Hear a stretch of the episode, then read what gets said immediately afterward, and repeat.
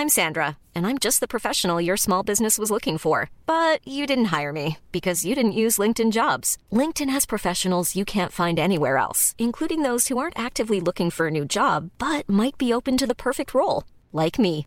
In a given month, over 70% of LinkedIn users don't visit other leading job sites. So if you're not looking on LinkedIn, you'll miss out on great candidates like Sandra. Start hiring professionals like a professional. Post your free job on linkedin.com/people today.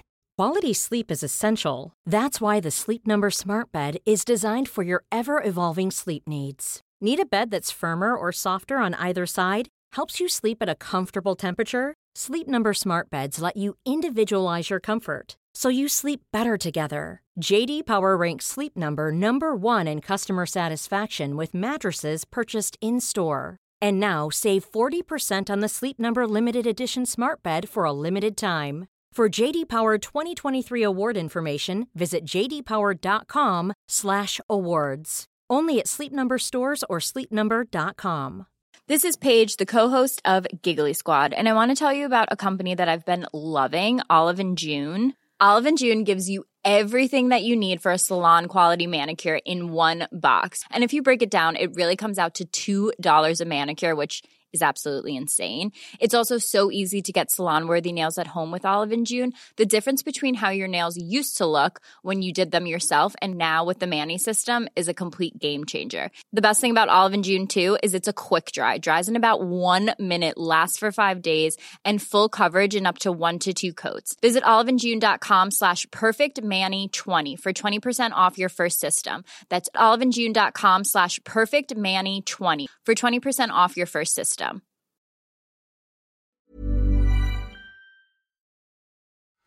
Jobbet, framtiden och nuet. Vad är vi på väg egentligen?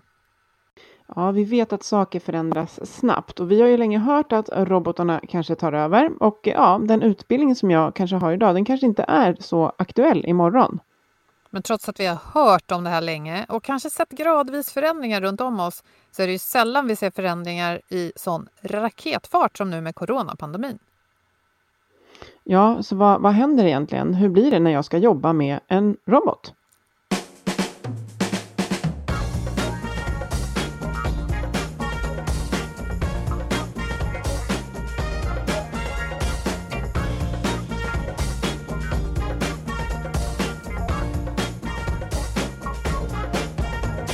Du lyssnar på Health for Wealth, en podd om hälsa på jobbet. Trots att vi får det bättre och bättre mår många av oss bara sämre. Så kan det inte fortsätta och därför tar vi reda på hur företag och organisationer kan bygga långsiktig hälsa och lönsamhet. Och börjar vi på jobbet, då sprider det sig ofta till resten av livet. Vi är Ann-Sofie Forsmark, jag driver företaget Oxy Group. Och Boel Stier, copywriter och kommunikationskonsult. Lyssna på oss så får du nya insikter varje vecka. Särskilt för dig som är chef, ledare, jobbar med HR eller är medarbetare. Ja, men det här med robotarna kommer, det har vi pratat om ett tag nu. Och så, eh, det är ju så här att ja, det känns som någon slags eh, fjärran framtid som, som aldrig riktigt händer förutom i sci-fi-filmer. Men apropå förändring just så eh, ingen av oss hade ju kunnat förvänta oss att det skulle hända så mycket nytt den här våren. Eller vad säger du Ann-Sofie? Nej, nej, verkligen inte. Det är jättemånga säger det. Det finns någon, eh, någon, någon eh, GIF som jag älskar. Vem var det som drev på den teknologiska utvecklingen hos er? Var det CIO, CFO eller var det covid-19? Och då är det covid-19. Eh, och jag, eh, jag, du vet ju, jag brukar säga att jag är så extremt analog, men jag har faktiskt hittat siffror på att 90 procent av all data har producerats de senaste två åren. Och det är mer än 26 biljoner så kallade smart devices. Jag, jag bestrider att alla är smarta, eh, som cirkulerar i användning. Alltså det är hur mycket teknologi som helst som har skapats och används nu. Ja, men så mm. är det ju. Och det är spännande att mitt i det här då som ja, men till exempel 5G är på väg att rullas ut och det är då vi förväntar oss att, att, eh, ja, att den uppkopplade världen som man har pratat om länge med IoT, alltså Internet of Things, att det ska, ja, att det ska börja hända på riktigt. Liksom. Att det inte bara är eh, min smartphone som kan berätta saker utan min klocka, min cykel, min bil, mitt kylskåp. Ja, men att världen ska bli uppkopplad. Och jag ser det lite grann som att det kommer bli ett extra skikt, ett digitalt skikt som också är en del av verkligheten. Men tillbaka till det vi sa då, att eh, corona hände. Vi tycker kanske inte att det är en, eh, en eh, robotisering av verkligheten, absolut inte. Snarare har liksom många av oss landat i att ta långa skogspromenader och vara, vara utan jobb. Men det har ju medfört en enormt snabb digitalisering. Mm, precis, på och jag kan tänka ibland, jag måste ta ett, ett, ett exempel här. Jag har ju, och det har jag sagt, det är tredje gången jag nämner det, men jag har ju gått tillbaka eller börjat om kan man säga inom den banan jag jobbade inom förut, jobbat lite med redovisning. Och där har ju digitaliseringen verkligen ja, avlastat många av de processer som annars tog tid. Men det betyder ju, alltså bara för att jag kan trycka på en knapp istället för att trycka på knappen 100-150 gånger, eh, jag måste ju förstå vad det är som sker. Alltså det är ju det, jag måste ju jag måste ju förstå vad det är som sker när allting sköts digitalt eller sker av en robot eller vad det kan vara. Och där kan jag känna att det händer så mycket och jag, jag känner mig inte gammal, jag känner mig bara, jag hänger inte riktigt med. Så. Men vad är det du inte hänger med i? För att du kan ju, gissar jag, hantera de här nya digitala verktygen när du jobbar med redovisning. Ja, ja, jag försöker lära mig hantera dem. Men, men just att jag, jo men alltså nu gick det jättefort, men när jag, när jag liksom stansar in siffror så ser jag, ja den hamnar rätt där och den hamnar rätt där. Det gäller ju att ha tillit till det här digitala, att det gör eh, att det gör rätt saker. Däremot, om det är någonting jag skulle vilja se mer av, det är det här Internet of Things. Alltså det här att min, ja, på något sätt min kyl börjar prata om vad jag ska handla hem. Det där längtar jag efter, men det känns inte alls som att det har inte corona löst i alla fall. Nej, men det finns ju kylskåp som kan i alla fall varna för att, nu vet inte jag exakt hur det funkar, men jag tror att det är lite så här att ett smart kylskåp kan Okej, okay, det här är jättemycket killgissning. Men jag skulle gissa då att om du har en platta där mjölken brukar stå och den plötsligt väger mindre än en liter, alltså, eller en, mm. en halv liter, så mm. kan du få ett larm. Så, ja, men eh, nivån på mjölk har sjunkit, köp nytt. Mm. Kritiskt låg chokladnivå skulle jag vilja ha. Precis! Ja. Det, det, skulle ju vara den allra viktigaste delen i mitt ska, skafferi. Det är fredag Nej, men, och ingen choklad. Ja, nej men eh, precis, eh, eh, vad, vad säger man, skämt åsido. Ja. Nej, men det blir ju mer och mer digitalt. Jag, jag, vet att en kollega till mig sa för något år sedan, apropå att vi snackade om en kund och, och digitalisering, så sa han så här, men vad då? Det är väl redan jättedigitalt allting? Eh, det kan vi ju säga att det är det inte alls och alla kanske inte tänker på det varje dag. Visst, vi mejlar, vi har smarta telefoner, eh, vi har datorer eh, och diverse skärmar i tillvaron.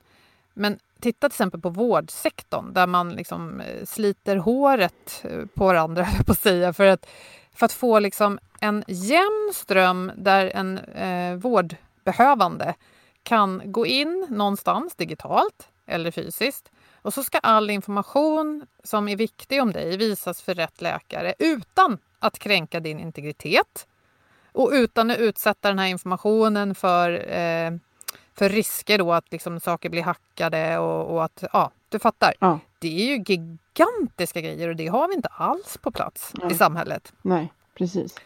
Men, eh, Men ja, nej, jag tänkte att vi, vi, ja. vi, vi, vi, grundar det här avsnittet lite grann på, på en artikel som vi har hittat hos vår eh, samarbetspartner motivation.se och jag vill verkligen lyfta Einar Wiman som är en av deras skribenter som skriver otroligt bra och just prata om vad är det som kommer prägla eh, arbetslivet eh, under 20-talet. Alltså artikeln heter Medarbetare under 20-talet. Det här kommer påverka dig. Så plockade vi ut lite russin ur den. Eh, och det första är ju det här med robotarna. Det revolutionerar arbetslivet. Och som sagt, den här artikeln är skriven innan eh, coronapandemin. Eh, och som det ofta är så har Kairos Future eh, trendspaningsrapport eh, en, ett finger med i det här spelet. Ja, och tänker man på det här med eh, robotar, vi kan ju börja med att bara eh, tänka digitalisering. För om vi hoppar tillbaka till vårdsektorn, något vi har sett de senaste åren som faktiskt har gått väldigt fort, det är ju det här med digitala läkarbesök eller vårdbesök. Där några privata aktörer utmanade marknaden.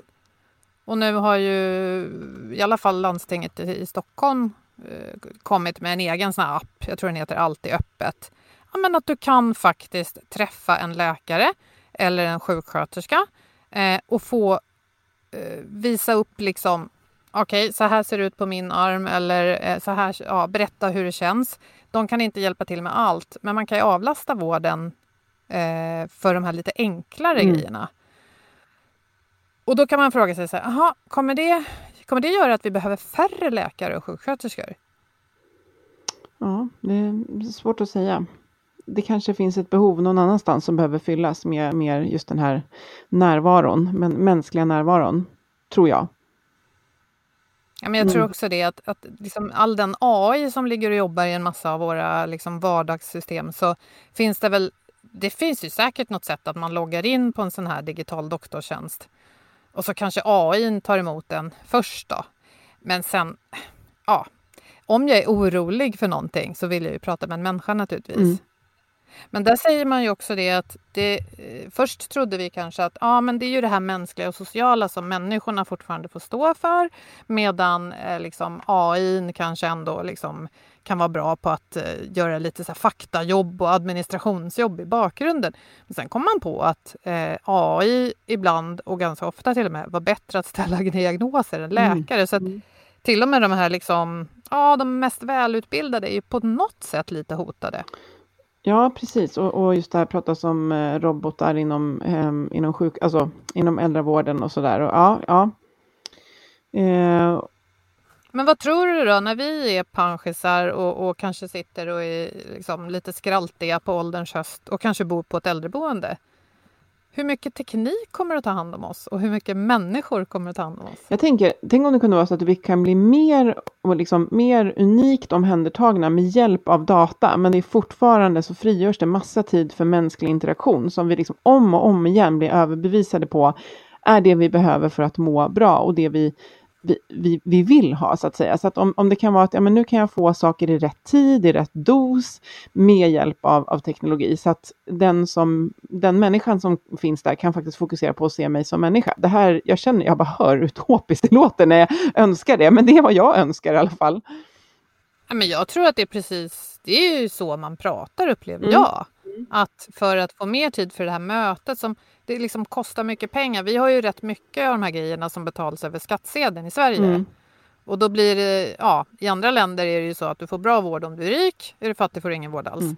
Men här är det ändå så att det ska ändå räcka till alla och lön är ju dyrt. Det bara är ja. så. För vi har ändå ganska höga krav och det ska vi väl ha. Men då ska man väl se till att de människor som jobbar med att ta hand om oss äldre Alltså de som idag kanske knappt är födda som ska hjälpa oss då.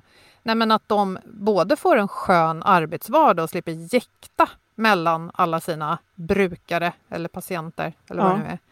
Eh, och att de slipper då kanske så här hålla koll på mm. jag vet inte, doser eller bara att mediciner ska finnas på plats hos mm. oss. Men jag tänker lite att ja, men det här med användningen av robotar och AI, det många jobb riskerar att försvinna. Jag tänker bara själv att många gånger när jag går och handlar nu så ja, men jag ska skanna själv, jag ska, betala, alltså så här, jag ska göra ganska mycket själv och det ska finnas självkörande bilar och så vidare. Och jag, jag tänker inte att de som sitter och jobbar med teknologin tänker många av dem gör väl det säkert mer filosofiskt, men vad är det vi ska frigöra tid eh, till här då?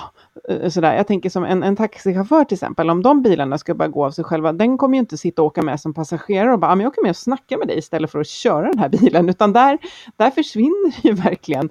Och det här med att, att gå in i en affär och liksom skanna själv och som jag alltid panik, har jag missat att skanna någonting nu? Och, och göra fel. Jag önskar, jag vill ha tillbaka kassörskan, snälla. Eh, ja, men jag tycker det, det, det, det blir väldigt så här, i varje fall vill man säga, vad är det här avlastar och, och vilket problem löser det och eh, vad är det det frigör liksom, tid till. Men sen kommer vi också in på det här med frihet och, och, och flexibilitet. Eh, som vi också ser, det blir ofta så att när pendeln slår åt ena hållet så, så blir det liksom, eh, den slår lite tillbaka. Att det har vi också märkt att många, mm. nej men det går inte att jobba hemma Eh, och sen helt plötsligt så var vi tvungna att göra det eller jobba på distans och lösa saker. Och så gick det. Och nu har många, eh, ja. och det märker jag, nu har många gjort det ett tag. Och eh, nu ska vi gå tillbaka. Det jag tror inte att vi kommer gå tillbaka. Vi går till någonting nytt. Eh, där vi kanske säger, ja men förut var jag på kontoret 40 timmar i veckan. Nu har vi varit hemma 40 timmar i veckan. Jag skulle vilja gå tillbaka 25. Eh, och här tror jag att många organisationer är ehm, behöver faktiskt jobba med den här, den här, det som man kallar för återgången, ordentligt. Det tror jag. Det tror jag. Och då är det en massa saker som behöver vara tydliga. Jag ja. såg en väldigt intressant grej på Facebook för någon vecka sedan. Kanske är några av er som lyssnar som såg det också. Eh, det var Mark Zuckerberg som är chef och grundare för Facebook som livesände för alla som ville se. Eh, det låg kvar senare också. Eh, ett slags, eh, ja, det var ju ingen dialog, en slags kommunikation till alla deras medarbetare. om förändringar just nu på grund av corona, eh, att man jobbar hemma och hur de tänker kring distansarbete och distansrekrytering. Och jag tycker att det där var rätt intressant att se. Först tänkte jag varför ska jag lyssna på honom? Men sen så insåg jag att han tog tag i då alla de här frågorna som dyker upp när vi ska göra saker på nya sätt. Vad är liksom fördelarna till exempel med att kunna rekrytera globalt som han sa? Mm. Mm. Han såg en möjlighet att här kunde man ju liksom plötsligt få tag i de bästa talangerna över hela jordklotet. Mm. Om man kunde tänka sig att det alltid nästan var okej att jobba på distans. Men då eh, kontrade han sig själv också och sa ah, vi kanske inte kan göra allt på en gång men vi ska börja med att rekrytera, vad var han sa, eh, överallt i USA till exempel och inte vara begränsade till de städer där de idag har kontor. Mm. Eh, men sen kom man vidare till det här, okej, okay, om det eh, när corona släpper är okej okay att vara på kontoret och okej okay att jobba på distans och att man får välja. Mm. Det kan hjälpa oss att behålla de som faktiskt vill bo på vischan och ändå ha en karriär. Mm. Men hur ser vi då till att de som alltid är på distans på möten eh, och inte kan vara i rummet där liksom makten kanske finns, att de inte blir någon slags andra rangens medarbetare som inte får karriärmöjligheter, som går miste om liksom den här sociala väven som vi bygger ihop mm. och hur man bygger en kultur. Ja, men jag, jag, kan länka det där i inlägget för att mm. han tog upp väldigt många av de utmaningarna mm. som vi kommer att stöta på tror jag. Ja, jag tycker det är jätteintressant. Jag eh, hade dialog med en, en kund, eh, pratade om det här med, jag jobbar inte med rehabilitering, men tänk dig att du ska rehabilitera någon som, alltså tänk dig någon som ska arbetsträna. Ja, nu är du hemma. Nej, nu är du, nu är du på kontor. Nej, alltså det, det dyker upp väldigt mycket saker som både kan ses som möjligheter och utmaningar. Vissa är konkreta utmaningar kan jag säga, men det finns också möjligheter. Men vi behöver prata om dem eh, och reda ut liksom, förväntningar och det här med att ehm, jag lyssnade på en annan podd och då vet jag, Ann Helenius fick frågan, kan man bygga företagskultur på distans? Alltså vi kan åka till månen och vi är på väg till Mars. Så att ja, vi, vi måste kunna bygga företagskultur på distans, men vi måste ju tänka till om hur vi gör det, om vi förut har gjort det vid kaffemaskinen och vid town hall-möten där alla fysiskt är på plats. Alltså, allting går ju, men vi behöver ju eh, kommunicera kring hur vi ska göra det. Och här är ju, eh, tänker jag, jätteviktigt just med all möjlig teknologi, att vilken ska vi ha som ska stötta oss? För, för om det finns 26 biljoner smart devices att, att använda eh, där ute. Och nu är, allt, nu är det allt möjligt som det innefattar också. Det är inte alla som kommer hjälpa vår verksamhet och som vi bara ska ta in för att det går. Nej, det är samma som all denna data som du säger, där ja. liksom merparten skapades typ i förrgår och det bara växer. Mm. Det liksom ger oss mer och mer problemet av att okej, okay, vilken data betyder något för oss och vilken ska vi titta på och vilken kan ta oss framåt i, liksom, eh, i vår utveckling.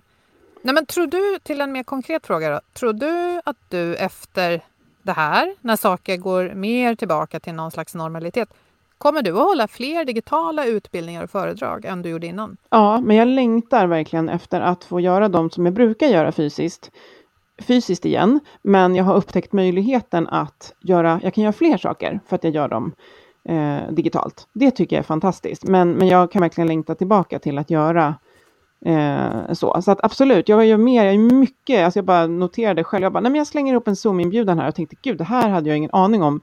Jag hade suttit och tittat på varenda, är det, är det kryssa i där eller inte? Det här sitter liksom i ryggmärgen nu och det har bara gått några månader. Så det är ju, jag menar, om analoga Annie klarar det här, då finns det hopp där för mänskligheten där ute. Um, så att jag, jag, ser mer att jag kan bredda och, och lite mer så här, men vi tar det här mötet via, istället för att ses inne i stan kanske. Eh, men jag vet precis vart begränsningarna är och där jag känner att nej men vet du vad, det här det tar vi i det fysiska rummet för det kommer bli bättre. Det tycker jag att jag har blivit bättre och lärt mig och, och breddat liksom paletten på något sätt. Du då? Mm. Mm.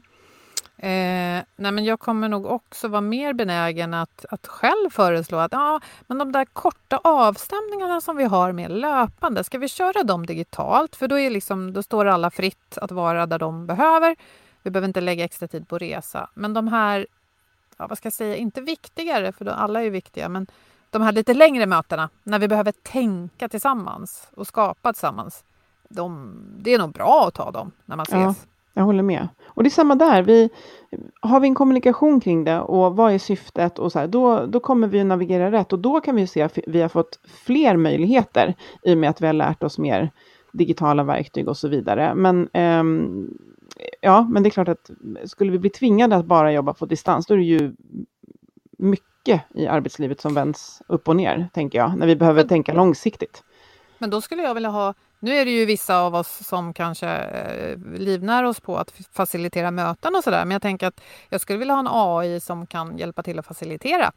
Till exempel att eh, vid en lämplig så här, paus i snacket så säger AI så här Hej, det är Siri här, eller det, det är Annie här. Mm. Eh, nu har eh, alla de i västra Kalifornien pratat väldigt mycket. Vi skulle vilja höra en röst från östkusten. Ja, men du vet. Ja, så man slipper kunna... kanske avlasta. Ja. ja. Eller bara göra en liten så här lagom utmanande fråga. Ja. Är det meningen att eh, de som deltar på det här mötet bara ska sitta stilla och lyssna eller får de chatta också? Ja. Nej, men eh, att ha någon slags facilitering vore lite coolt.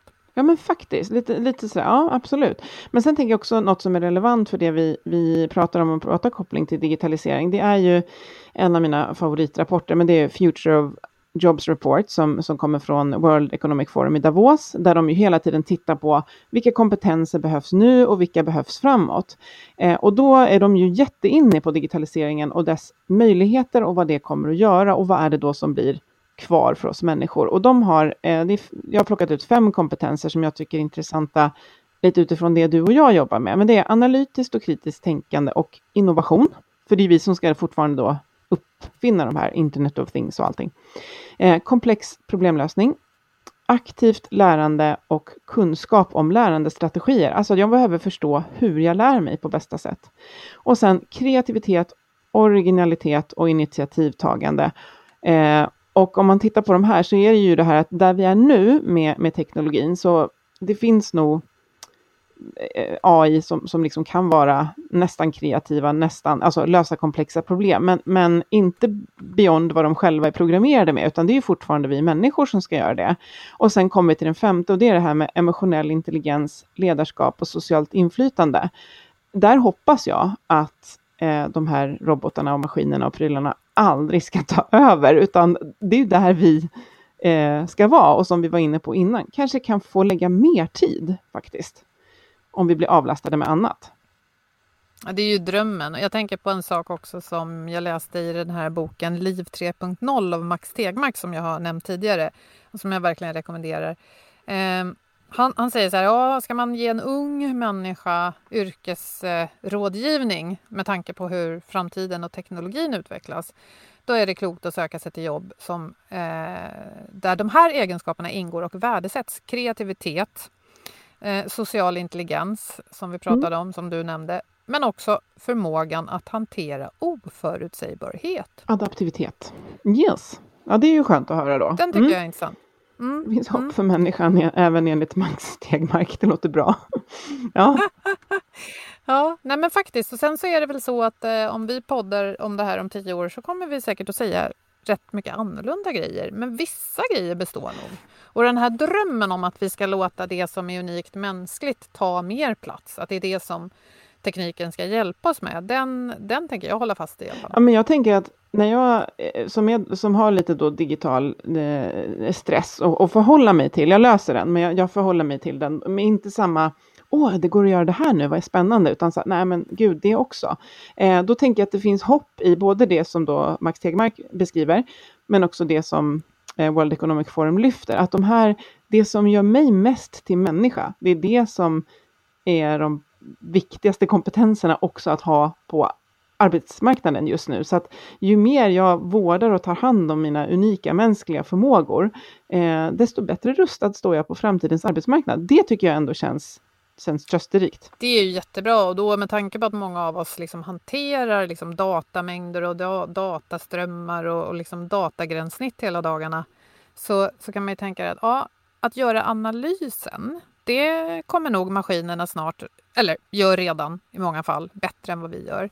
Men att ta resultatet och omsätta det till någonting som skapar värde för just dig, för just mig, för just vår organisation med tanke på våra mål, eh, den oförutsägbarhet som alltid finns där. Där tror jag vi kommer behöva oss länge, länge till. Mm. Inte för Vi- evigt kanske. Nej. Vi, men, men som med allting, alltså när det går att göra någonting på ett nytt sätt, att alltid fundera på, bidrar det här, liksom avlastar det, bidrar det på något sätt, eller inte bara göra för att göra. Det, det är något som jag håller i, eh, i alla fall. Eh, vi, jag tror att vi kommer lägga flera länkar från det här avsnittet, för det, det, vi tror att det här intresserar er också. Ni, ni har ju vilt på olika spann, vissa skrämmer er, mer som jag, vissa är sjukt nyfikna. Eh, men vi lägger lite länkar så kan man resonera vidare och man kan också såklart ta upp det här med sin grupp på jobbet och prata. Vad, vad oroar vi oss för eller vad ser vi för möjligheter och vad, vad skulle vi bara önska gick att göra så här som man tänker men det kommer ju aldrig gå och så vips så är det någon som har löst det på något sätt. Absolut. Och vi länkar naturligtvis till den här artikeln på motivation.se som vi nämnde och som var en grundbult här för det här avsnittet. Och ni vet väl att motivation.se är ju Sveriges ledarskapssajt och vår samarbetspartner. Där kan du läsa massa bra om ledarskap, medarbetarskap, engagemang och organisationskultur. Eh, vi ska också länka in till den här Forbes-rapporten som du nämnde va? Ja, eh, nej. Nej. vad sa jag? Nej, det här, det, ja.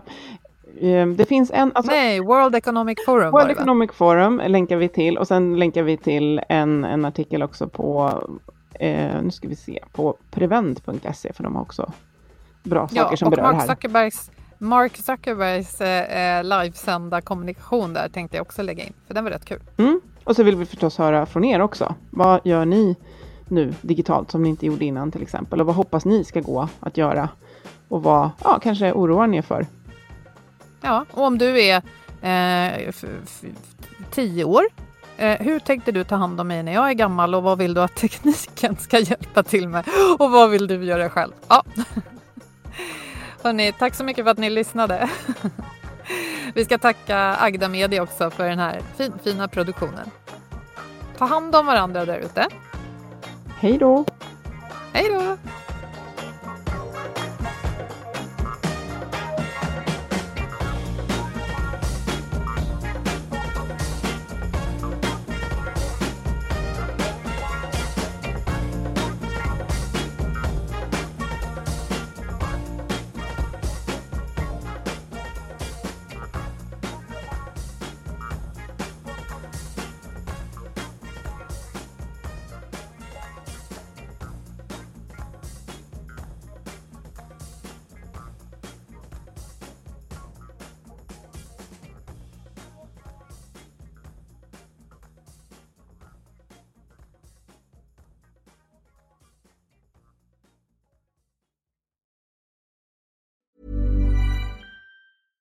Hi, I'm Daniel, founder of Pretty Litter. Cats and cat owners deserve better than any old fashioned litter. That's why I teamed up with scientists and veterinarians to create Pretty Litter. Its innovative crystal formula has superior odor control and weighs up to 80% less than clay litter. Pretty Litter even monitors health by changing colors to help detect early signs of potential illness. It's the world's smartest kitty litter.